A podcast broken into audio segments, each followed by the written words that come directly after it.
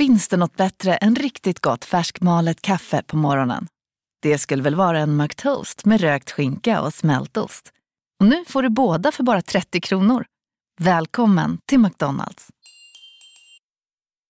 Hej, Susanne Axel här. När du gör som jag och listar dig på en av Krys vårdcentraler får du en fast läkarkontakt som kan din sjukdomshistoria.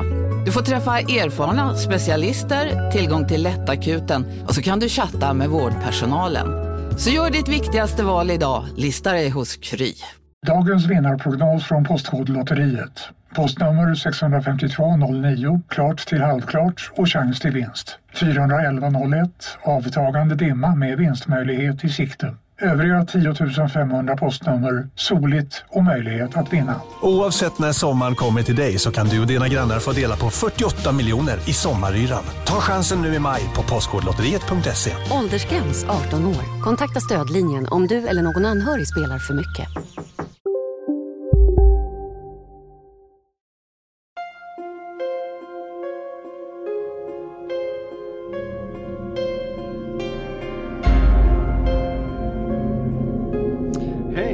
Jag som är Fredrik. Och det är jag som är Oskar och tillsammans är vi Spökpodden. Ja, visst är det fantastiskt. Mm. Det är rätt gulligt det där. Ja, det är gulligt är det. Det är jättegulligt. Jag satt precis och funderade på att vi är ju Spökpodden och på lördag ska vi göra något riktigt eh, spännande och roligt och jag ser så fram emot detta. Mm. Mm. Det är ju jättekul det här att få göra någonting tillsammans med dig också på, på en lite mindre scen och träffa lite av våra lyssnare. Det känns eh, magiskt. Jag brukar använda ordet magiskt, men nu kommer det vara magiskt på lördag. Vi var där igår och grejade lite grann och se hur vi skulle ställa ut eh, lite stolar och lite, ljus, lite ljudbelysning, det säga, men lite belysning och lite annat. Eh, det känns ju jättekul att få, få vara där på, på lördag tillsammans med eh, en del av våra lyssnare i alla fall. Ja, det känns... eh, Det, och för, eftersom vi var där igår och rekade och gjorde i ordning och la upp hur vi skulle ha det, så nu känns det ju på riktigt. Eh, Mm. Man har gått och tänkt på det länge såklart, för det var ju en stund sedan vi planerade att vi skulle göra det här, men nu, nu när det närmar sig och man har varit där och kikat och precis som du sa att vi har bestämt vad vi ska ha för eh, fåtöljer och bord och hur vi ska ställa upp grejerna och sådär, så nu, nu är det ju på riktigt. Ja, vi får inte glömma också att du tryckte i dig en jävligt god kebabrulle igår också när vi satt där. Så att, eh, det var ju det du såg mest fram emot när du ringde mig. Vi bara, vi ska äta där. Vi måste åka dit, vi måste äta. Ja, ja precis. Jo men så är det ju. Det är, äta bör man, annars dör man. Lite så är det. Eh, så det var ju därför du ville reka, för att äta. Men eh, om man då vill köpa biljetter, för nu är det bara några dagar kvar, man kan köpa på plats om man eh, bor i Trollhättan eller någonstans som är närliggande så får man jättegärna komma till Brasseriet i Trollhättan den 6 november. Och eh, vill man boka bord innan för att köpa lite god mat och lite drinkar så är man välkommen. Men annars är det 19.30 som insläppet är och 20.00 cirkus börjar vi eh, köra igång våran grej. Mm, det gör vi. Och vill man köpa biljett innan så gör man ju det på nortik.se och så söker man sig fram till Spökpodden Live-eventet och där köper man då sin eh, biljett. Och har man tur så kanske rabattkoden fortfarande fungerar SPÖK21. Tänk att man ger rabatt på att träffa oss. Det är klart man kan göra. Känner du dig billig, Fredrik? Absolut inte. Jag tänker det att eh, är man så engagerad så att man faktiskt går in och förköper biljett så då kan man väl få en liten bonus på det. Istället för att vänta in i sista sekunden. Ja, och eh, vi kommer eh, självklart eh, ha lite roliga grejer att prata om och eh, vi har ju tänkt att vi är ju inte säkert att det blir en lika kort eh, episod som vi kör här. Det kanske blir till och med lite extra bonus just, så det blir ett extra långt avsnitt för de som är där. Ja, det kommer det bli. Det kommer nog bli både det ena och det andra. Eh, Så att eh, vi har väl egentligen ingen tid så satt för hur länge vi ska prata utan vi kör så länge det känns bra. Så, Så länge baren är uppe. Precis, och så märker man det då att blir det en väldigt, väldigt kort podd så då känns det inte så bra då. Nej, precis. precis. Nej, men ni får ju komma dit för att eh, bedöma själva om det var bra eller dåligt, eller långt eller kort, eh, eller om baren var, eh, var bra på sina drinkar.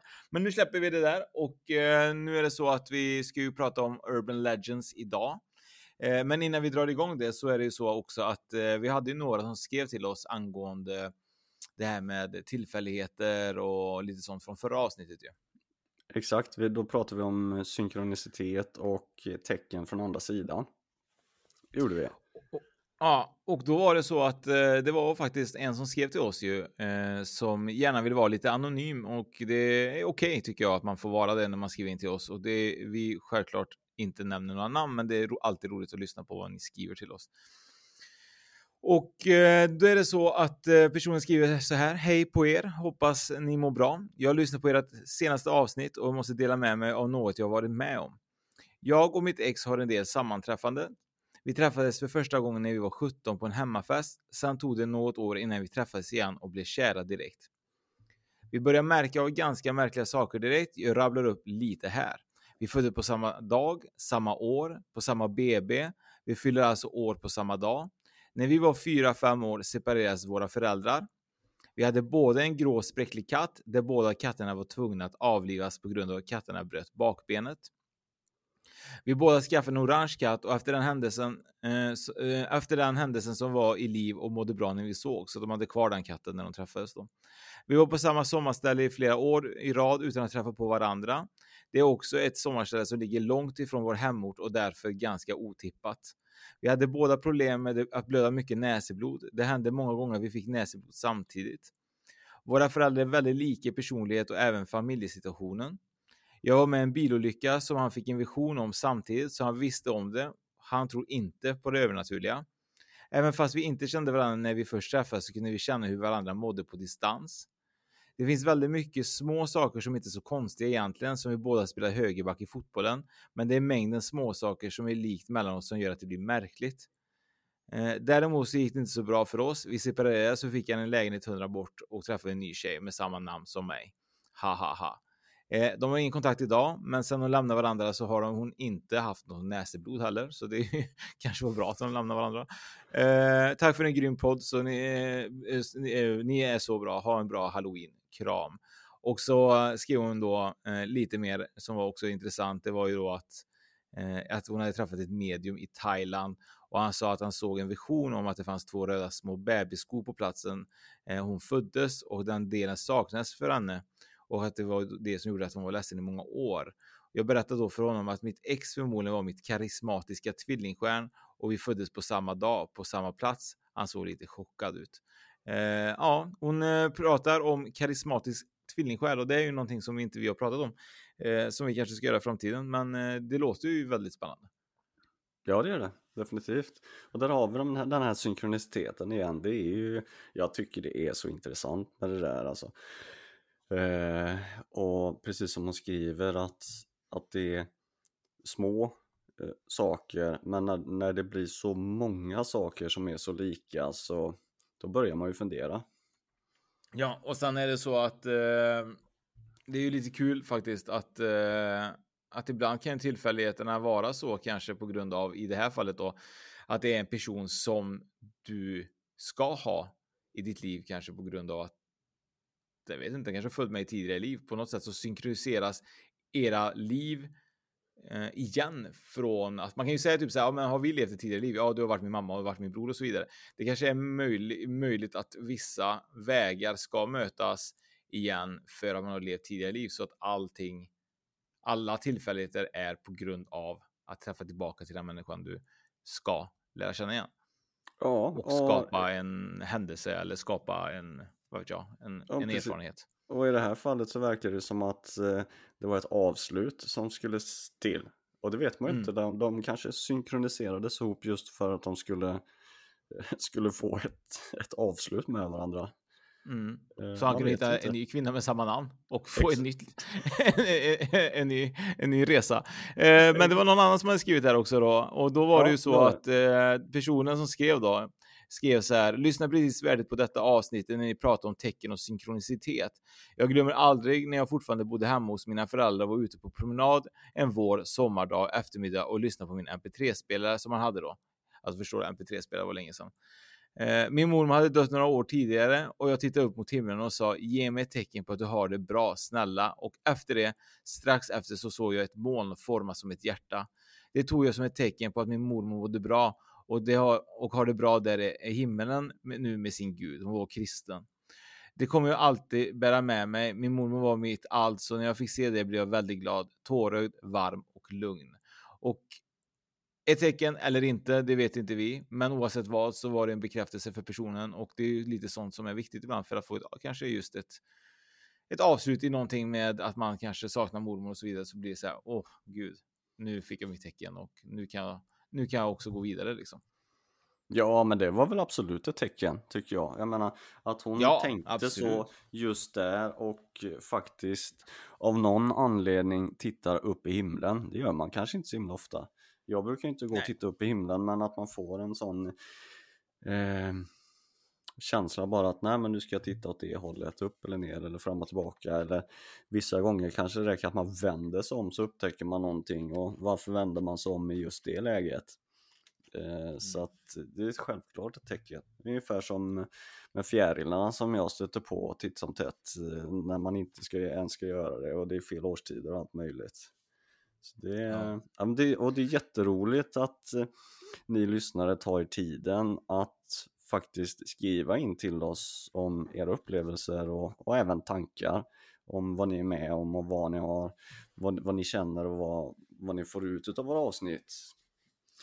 Ja, men det viktiga är att, att man delar ju så med varandra, för då kan vi lyfta det. För grejen är typ att det som är viktigt med det är ju att man då får lyssna på andras berättelser. Och man då kan ibland också påminnas av ett berättelse som man själv hade som man har glömt bort. För att även om vi tar upp saker så gör det ju ännu mer ifall vi kan lyfta upp andra saker som någon annan upplever. För då blir det också lite mer djup i det, för då vet man att det är fler människor som upplever sådana här saker. Precis, jag tänkte säga det att man är ju inte ensam om det här. Nej. Det vi är ju ganska många människor på jorden och vi är några stycken i lilla Sverige också.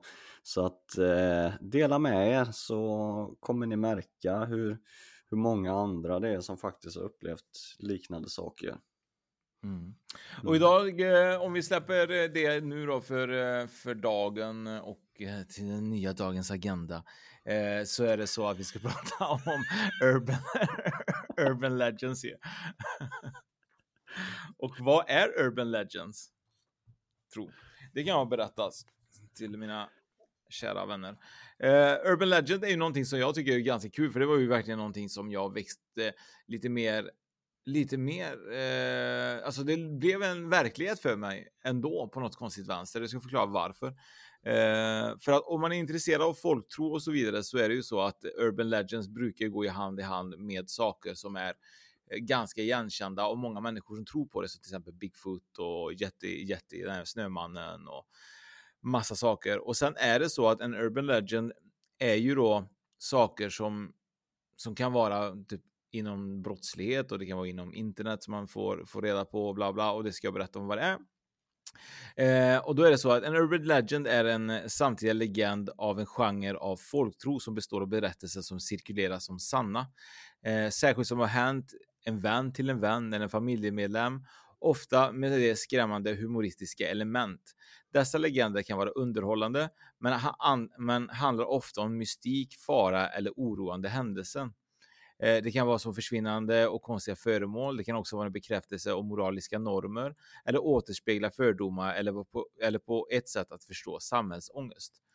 Eh, urban Legends cirkulerar oftast muntligt, men kan spridas av alla medier, inklusive tidningar, mobila nyhetsappar, e-post och sociala medier. Och eh, lite det som vi ska eh, lyfta fram här då som man kan hålla koll på. Det är typ att inom brottslighet då så är det mest traditionella Urban Legend handlar om många internetrykten om brott, antingen fiktiva eller baserade på verkliga händelser. Till en stor del har överdrivits. Sådana historier kan vara problematiska eftersom det utger att vara både relevanta, moderna nyheter och inte följer den typiska mönstret för en Urban Legend. Så att ibland kan man ju då utsätta sig för att man läser någonting som man tror har hänt, men det är bara liksom någon som påhittat, det är fake news då. Eh, vi har också inom så här medicinska Urban Legends som vissa legender är just om eh, påståenden att man kan äta vattenmelonfrön kommer att resultera att vattenmelonen växer i magen. Eller att gå utomhus precis efter att duschat kommer resultera att man blir förkyld. Det är också ett tecken på ett Urban Legend om man håller på koll på internet Urban Legends så är det så att eh, Urban Legends på internet är något som sprids väldigt ofta och det jag tror alla upplevt det och det är oftast på e-post och senare till sociala medier. Det kan också länkas till viralt online-innehåll då. Vissa tar formen av kedjebrev som sprids via e-post som uppmanar läsare att dela dem eller gå en frukta eller att man måste dela dem eller gå ett fruktansvärt öde till mötes. Eh, och eh, det tror jag alla har varit med om, att man kan få så här falska virusvarningar och sådana grejer. Och att eh, om du inte gör detta så lägger vi ut bilderna på, på, på dig som du som vi har på dig för att vi har liksom eh, kapat din kamera. Eh, så att, lite sånt då eh, är ju Urban Legend. Men eh, finns ju även paranormala Urban Legend och det är lite det vi ska prata om idag ju. Eh, och dessa berättelser involverat vanligtvis något som möter något övernaturligt, som till exempel då Bigfoot eller Mothman som jag har med, lite med mig idag om.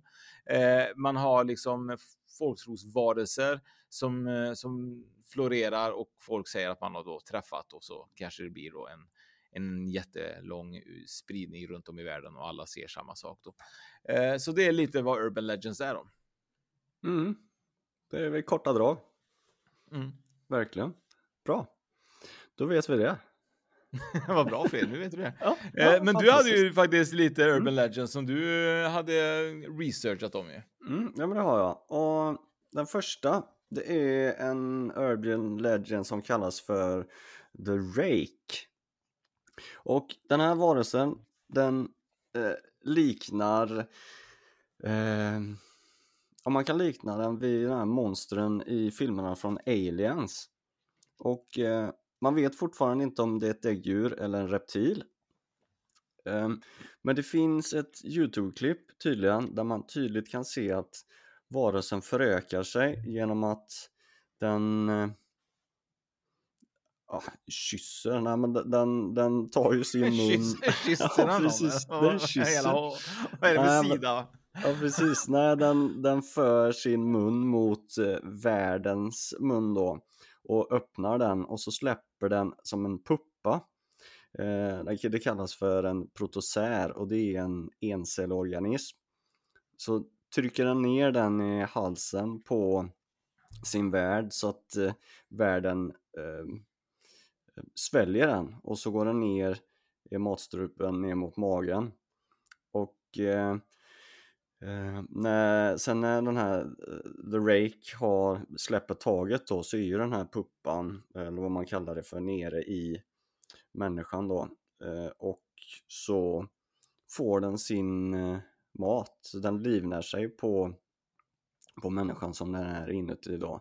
Och det är väl därför man liknar den vid Alien-filmerna, för det, jag vet inte, du har sett Alien va? Jajamän.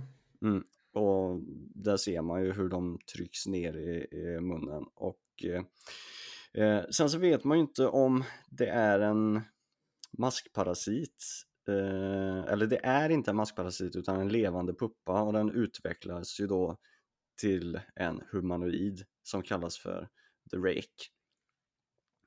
Och eh, den här eh, protosären då, eller encelliga organismen, den får ju näringen av världen. Och när den väl utvecklas så bryter den sig ut genom världen genom bröstkorg eh, och eh, förökningen eh, för arten, the rake, eh, de, de, de, är ju ehm, tvungna att ha människor eh, som värdar eller hosts då.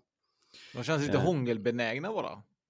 Ja, de är, de är lite cozy så, de är lite halvmysiga även fast eh, kanske inte på vårat sätt att se det på. Men de, de, är, de är supermysiga. Och sen så, som, när en sån rake är fullvuxen så funkar de som Nosferatu typ. De, det är ju vampyrliknande varelser. De behöver näring av kött och blod eh, och det kan de få från både människor och, och smådjur. Mm. Eh, sen så är det ju eh, oklart om man ens kan utrota de här varelserna. Eh, det finns påstådda observationer där man har använt skjutvapen men varelserna de är grymt snabba, de är smidiga och de har en övermänsklig styrka. Ehm, så det finns egentligen inga kända officiella riktlinjer för hur man ska skydda sig mot dem förutom att undvika de områdena där de har setts då. Och eh, de trivs i kuperade och bergiga skogsområden och The Rake har setts i USA, Europa och Asien. Det är de enda ställena man eh, säkert vet att man har sett dem då. Och sen så har jag några uh, små korta berättelser då. Och den första redogörelsen för The Rakes existens, det var en sjömanslogg som skrevs 1691. Eh, och det var då man identifierade den vid namn då, The Rake. Eh, sen så dröjde det lite drygt 100 år till 1800-talet när man beskrev The Rake igen eh, som att den hade ihåliga svarta ögon och var väldigt skrämmande. Sen 1964 eh, så hittade man ett självmordsbrev där författaren påstår sig ha begått självmord på grund av att eh, upprepa träffa den här Rake. Och han, han blev så himla rädd och kunde inte skaka av sig det så att han valde att ta sitt eget liv istället för att den här The Rake skulle ta livet av honom. Ehm, sen så har vi en annan berättelse eh, från 2006 och det börjar med att en kvinna hon eh, ligger och sover. Och så vaknar hon framåt morgonkvisten och, och behöver gå på toaletten. Eh, och när hon sätter sig upp i sängen så ser hon någonting nere vid fotändan av, av sängen då. Och, och hon tycker väl att det ser nästan ut som en naken blek man eller kanske till och med en stor hårlös hund. Eh, och, och blir lite eh, frågande till vad det är. Så hon väcker sin gubbe och han blir livrädd och kryper ihop och eh, i ett jättesnabbt ögonblick så hoppar den här Rake nerifrån eh, fotänden på sängen upp bredvid mannen och sätter sig och bara stirrar in i ögonen på honom. Eh, och det känns ju som en evighet det här. Eh, och lika snabbt som han hoppar upp där så springer Raken in i dotterns rum som ligger bredvid, hon ligger där och sover. Och um, um, det känns ju som att tiden står stilla här så föräldrarna de, de springer ju efter in i uh, in mot dotterns sovrum och då möter de The Rake som springer ut mellan dem och inne i, i sovrummet så ligger dottern på golvet helt blodig och skadad då och, och så säger hon att eh, till sina föräldrar He is Rake. Och föräldrarna de blir ju helskakiga såklart. Och pappan tar med sig dottern och sätter sig i bilen för att köra till sjukhuset. Men på vägen där så är han är så skärrad så att han kör av misstag ner en sjö på vägen och drunknar ihop med dottern. Och med detta så, så börjar mamman då, hon är ju efterlevande, hon börjar att undersöka händelser kring The Rake och se om hon kan hitta saker. Hej, Synoptik här! Visste du att solens UV-strålar kan vara skadliga och åldra dina ögon i förtid? Kom in till oss så hjälper vi dig att hitta rätt solglasögon som skyddar dina ögon. Välkommen till Synoptik. Ah, dåliga vibrationer är att skära av sig tummen i köket. Ja! Bra vibrationer är du har en tumme till och kan scrolla vidare. Alla abonnemang för 20 kronor i månaden i fyra månader. Vimla! Mobiloperatören med bra vibrationer. Upptäck hyllade XPeng G9 och P7 hos Bilia. Våra produktspecialister hjälper dig att hitta rätt modell för just dig. Boka din provkörning på bilia.se xpeng redan idag. Välkommen till Bilia, din specialist på X-peng.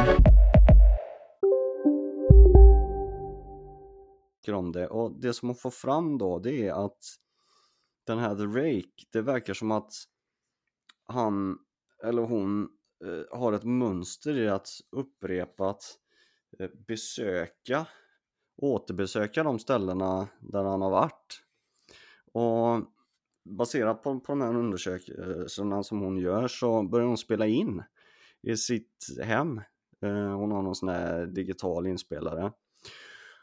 Eh, och, och bandar då på nätterna. Och det tog väl någonstans runt tre veckor eh, och då börjar de första tecknen komma på att, det, att hon faktiskt inte är ensam där. Och eh, det hon hör är en gäll röst på bandupptagningen då och hon känner igen den här direkt. Eh, men hon vet inte riktigt var hon har hört det. Men hon är helt säker på att jag känner igen det här. Och eh, hon ska ha skrivit i ett brev att jag kan inte lyssna på uppspelningen tillräckligt länge för att jag ska kunna förklara vad det är. Eh, och sen så är det ingenting mer på, på i, i det här brevet och man hittar brevet tillsammans med den här kvinnan, hon ligger död på golvet i sitt hem. Usch, vad läskigt. Ja, och sen det senaste eh, inträffade som jag kan hitta just nu, det var ett möte 2017. Det var tre tjejer som var, eh, bodde i Austin, Texas. Eh, och där en av tjejerna, hon trodde att det var en man med mantel. Och efter det här mötet med Rake så ska hennes ögon ha blivit, blivit helt kolsvarta. En annan av de tre tjejerna trodde att det var en Vendigo. Och den sista tjejen, hon trodde bara att det var en buske de hade sett. Eh, sen så var det inte mycket, men grejen där var ju det att den första tjejen som faktiskt kände väl av att hon såg det, hennes ögon blev kolsvarta. Och det är lite så... sånt där då som är en urban legend då. Man vet ju inte hur mycket som är sant och hur mycket som är inte sant eller om det finns någon sanning alls ju. Och det är ju lite det som är lite kul med just sådana här uh, urban legends. Att man, uh, man får ju nästan bara antingen tro eller så får man bara strunta i det. Men det kan ju finnas en liten sanning i det. Eller hur? Det, och det, för det är ju precis som det är, man vet inte, är det sant eller eh, det skulle kunna vara sant. Ja. Sen finns det ju också exempel på urban legends som har tagit av fullständigt, som är från början att det finns en, en viss del sanning i det men sen så när det går från mun till mun, det, man vet den här viskleken när man ska säga typ fyra meningar och så ska man det låta gå vidare och när det kommer till sista man så är det någonting helt annat än vad den första var, gubben sa. Det var typ såhär, idag ska vi baka bullar och laga makaroner så är det slutändan är det typ såhär, eh, idag ska vi lyssna på Spökpodden. Precis, åka på solsemester. så att, eh, nej så är det ju. Och eh, jag är ju också en urban legend då och jag har ju någonting som jag kollar på um, som en film faktiskt. Som skapade ett intresse lite mer av den här urban legends för mig och eh, det var ju då en film som Richard Gere är faktiskt huvudrollsinnehavaren i. Och det handlar om The Mothman. Om du har hört talas om honom Fredrik? Mm. Ja. Eh, det har det, ja, vad spännande. Och eh, då är det så att eh, i West Virginia då så finns det många människor som har sagt och att de har sett The Mothman, alltså Mothman. Eh, och det är ju egentligen, Moth, vad heter det, det är ju sån här eh, Mal va? Eller? Mal ja, precis. Mm. Malmannen då. Och eh, de tror att det är en humanoid varelse som enligt uppgift har setts i Point Pleasant i området eh, 15 november till eh, 15 november 1966 till 15 december 1967. Den första tidningsrapporten publiceras i Point Pleasant register daterad 16 november 1966 med titeln eh, att ett par har sett en fågel i mansstorlek är en varelse. Eh, något som den nationella pressen tog upp snart väldigt snabbt upp på sina egna tidningar och eh, den rapporten hjälpte till att sprida historien över hela USA och säkert också utanför USA. Då.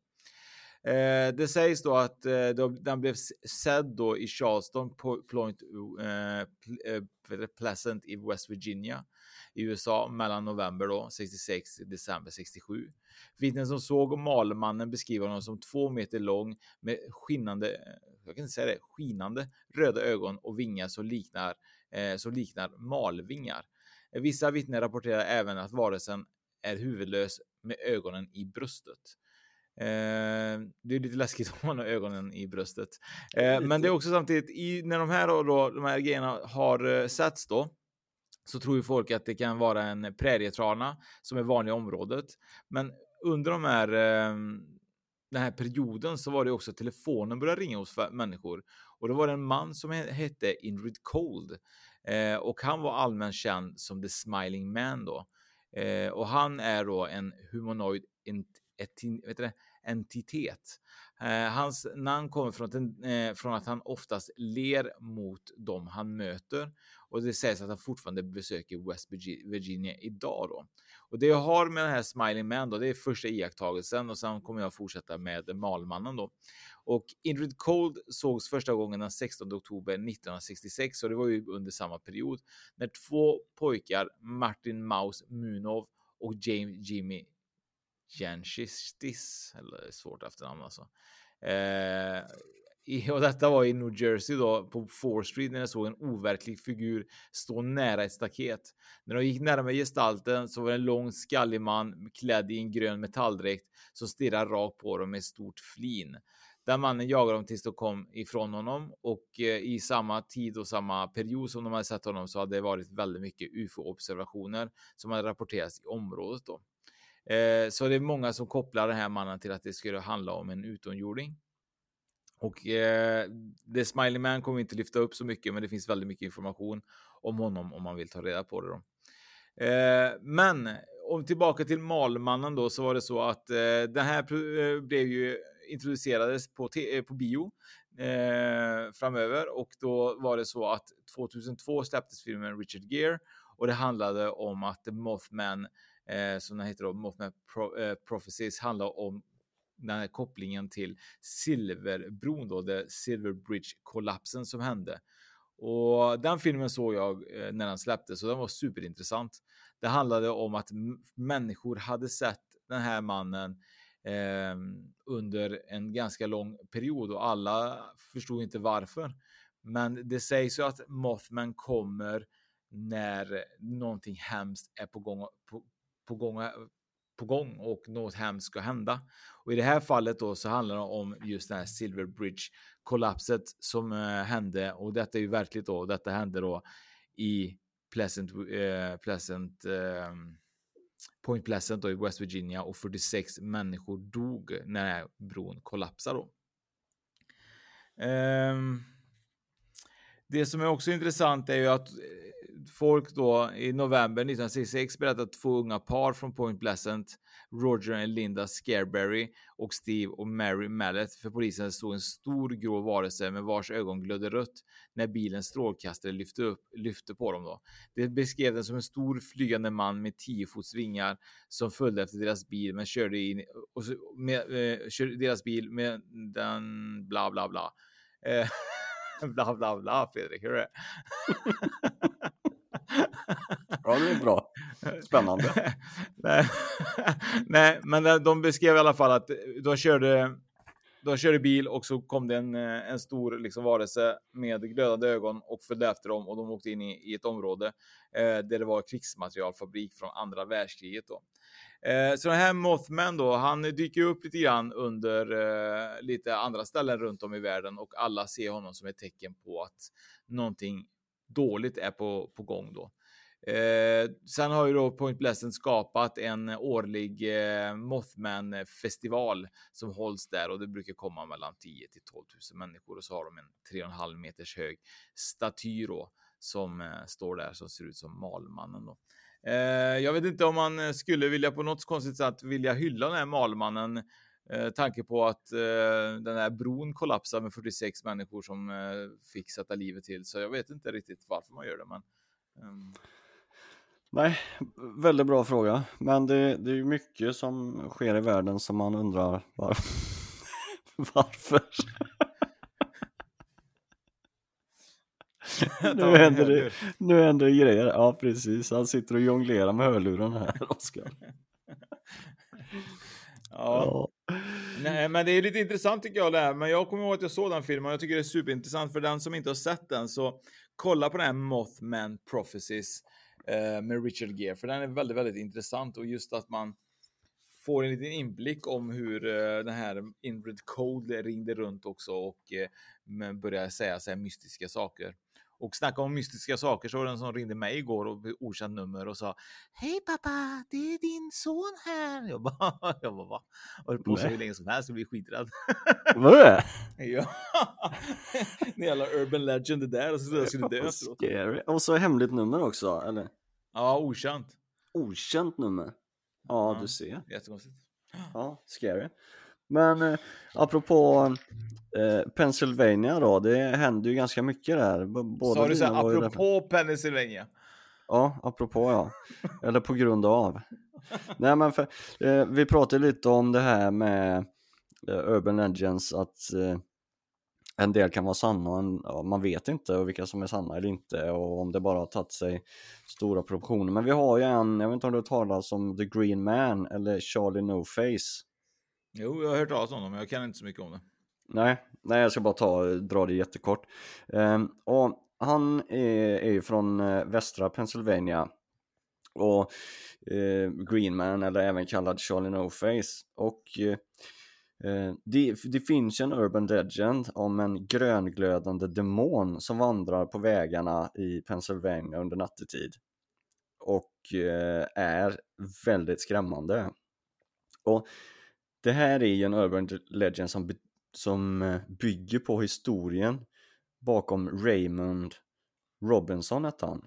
Och han var med om en fruktansvärd elolycka när han var ung och förlorade sina ögon, sin näsa, ett öra och en arm.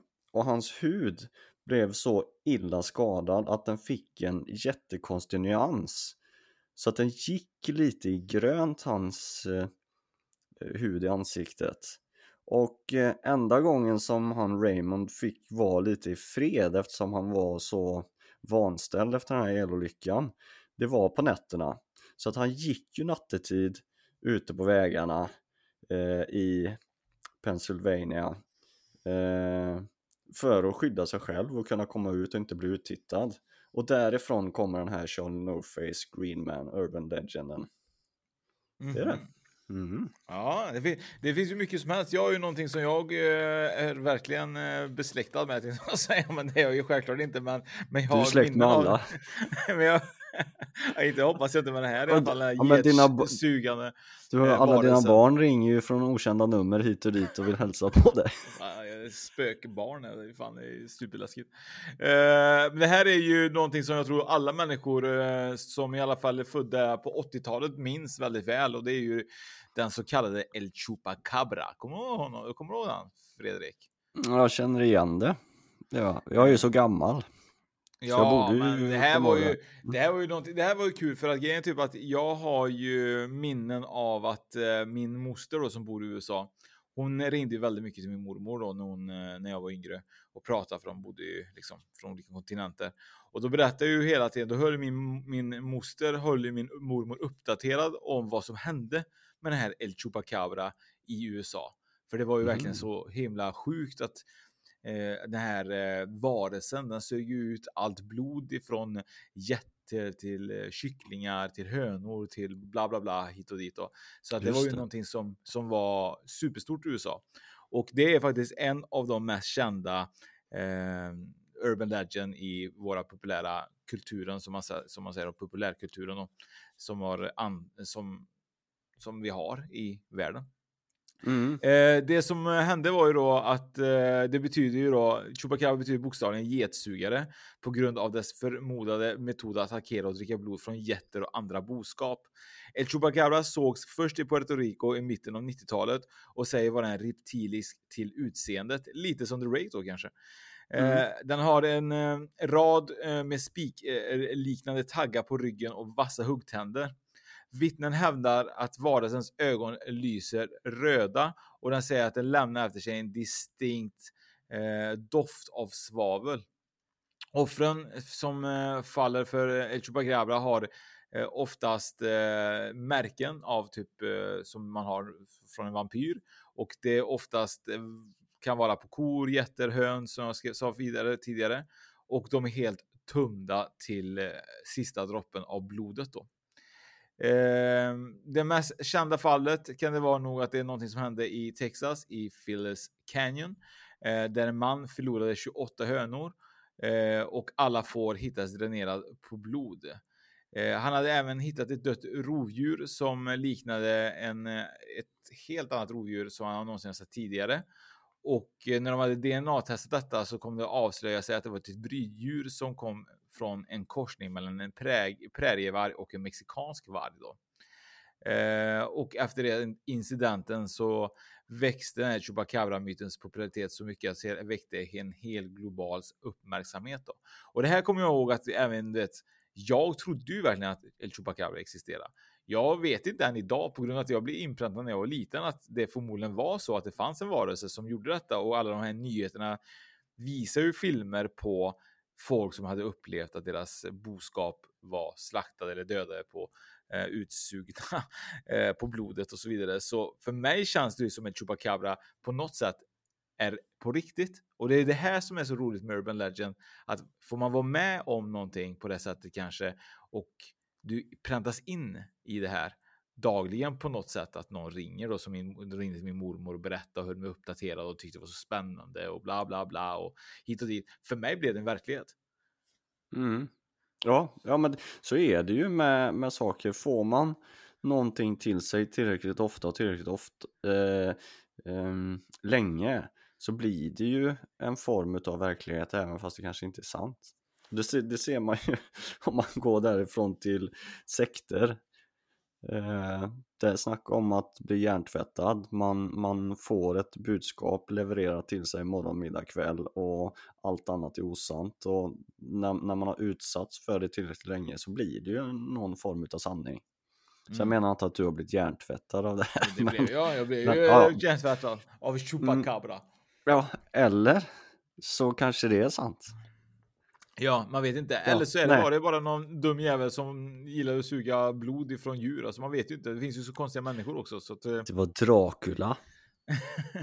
Nej, men är du med? Det finns ju ja. saker förmodligen som skapar en sanning och folk får för sig att de har sett någonting och så kanske det bara helt plötsligt är en eh, en man som eh, rymt mentalsjukhuset helt naken som har rakat håret och så står han på alla fyra och suger av suger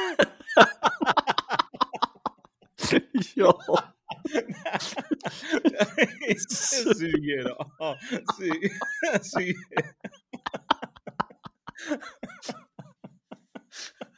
Ja, det är bra. Suger ur blodet ur höna. Ja, fy fan. Ja, ja. det blev lite dumt där, men ni förstår ja. vad jag menar. Ja, ja på alla eh, fyra. Det, mm. På alla fyra naken. Eh, det, jag, det jag menar med detta är ju att typ så att ibland kan man se saker som man kanske upplever annorlunda. Och, och då blir det... det, det gäller inte gå på nudiststrand i alla fall. ja, för där sprids massa urban legends på nudiststränderna, så håll er borta därifrån. Annars så blir ja. du en urban legend. ja, det är det det blir snart. Ja, herregud. Det har varit kul att spela in det här avsnittet. Uh, vi pratade ju som sagt om Mothman, vi pratade om The Rake, El Chupacabra, Smiling Man och så hade ju han den andra killen där, Charlie Char No-Face. Charlie No-Face, ja. The Green och Man. Det finns hundratals säkert sådana här Urban Legends uh, som man kan prata om i timmar, men det ska vi inte göra idag ju. Nej, det ska vi inte. Utan uh, vi nöjer oss väl med de här berättelserna och låter dem sjunka in lite grann, tänker jag. Mm. Och är det folk som har egna Urban Legends får de gärna skriva till oss eh, om de vill att vi ska lyfta upp något speciellt ämne. Absolut, det hade varit kul med lite svenska Urban Legends. Oh, det har varit kul. Mm, så det eftersöker vi. Svenska Urban Legends, skicka in till oss på Spökpodden på antingen Instagram på DM eller på Facebook där på, på meddelanden. Så Sen, skulle vi bli jättetacksamma. Ja, och sen vill jag tacka alla som verkligen eh, skriver till oss och eh, jättegärna för våran del så är vi tacksamma att ni integrerar med oss och är det så att man har en iPhone så är vi tacksamma om ni lyssnar, att ni hjälper oss att få bra betyg på podcaster-appen via iPhone för att det eh, det genererar liksom att vi också når ut till fler människor, hela den här algoritmen då. Eh, det var ju en nominering av eh, bästa podden 2021 nu på den här Guldpodden-galan. Eh, vi missade och eh, säga till folk att man kunde faktiskt rösta på oss. Eh, slutet Ja. av sista dagen av första november, så det är lite kört. Men nästa år måste ni fan eh, trycka på den här eh, nomineringsknappen på, på Spökpodden tycker jag. Mm. Det får man ju göra. Så ska vi vara med och påminna lite bättre. Vi kanske ska få veta att det existerar också. Ja, jag, faktiskt. jag, Ja, jag men- såg var ren slump bara. Jag såg den igår. Eh, Ja, för det- man är inte så, så bra på detta. Nej, eller, eller eh, nej inte på, på de grejerna där. Nej. Absolut inte. Nej, man kan inte veta allt. Det, man får ta lite i taget, så är det. Ja, och Absolut. eh, tack för all för, för, för feedback. Tack för att ni lyssnar och tack för att ni gör det här möjligt för oss. Och eh, vill man göra det mer möjligt för oss så kan man gå in då och klicka på lite på Patreon. Ju. Ja, det kan man göra. Man kan gå in på Patreon och eh, söka upp Spökpodden där och så kan man välja att lämna ett litet bidrag, bidrag till oss. Ehm, det finns tre nivåer där, så kan man välja någon som passar en själv. Alternativt så kan man gå in och välja en egen summa också.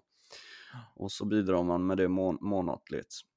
Ja, Eh, och sen det- gå in på newkindoff.se om man vill köpa en produkt, för då gör man ju så också att man får någonting och så får vi en liten peng för, för det också. Så att det finns ju lite sätt, eh, olika sätt att eh, bidra på. Man kan även göra det på seans online genom att man har eh, och bokar sig en eh, online-seans ju, när det väl är utsatt datum. Ju. Absolut. Det har vi någon i slutet på november va? Eh, nästa. precis. Ja. Så det är bara att gå in på seansonline.se på Instagram så ser man där vad det är för seanser som ligger ute och vilken biljett man vill köpa till. Mm. Så det är bara att köra på. Och sen så hoppas vi naturligtvis att eh, vi får se några utav er här på lördag i Trollhättan på Brasseriet klockan 19.30. Super, och då avrundar vi här tycker jag och eh, på återhörelse då. Ja,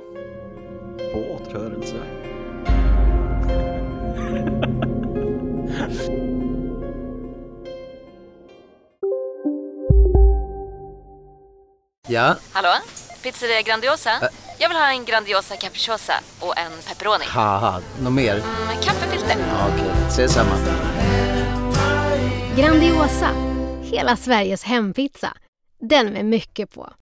Ni är med om det största. Och det största är den minsta. Ni minns de första ögonblicken.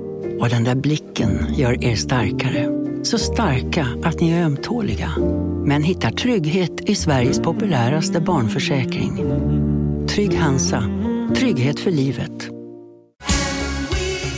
Just nu till alla hemmafixare som gillar Julas låga priser. Ett borr och bitset i 70 delar för snurriga 249 kronor. Inget kan stoppa dig nu.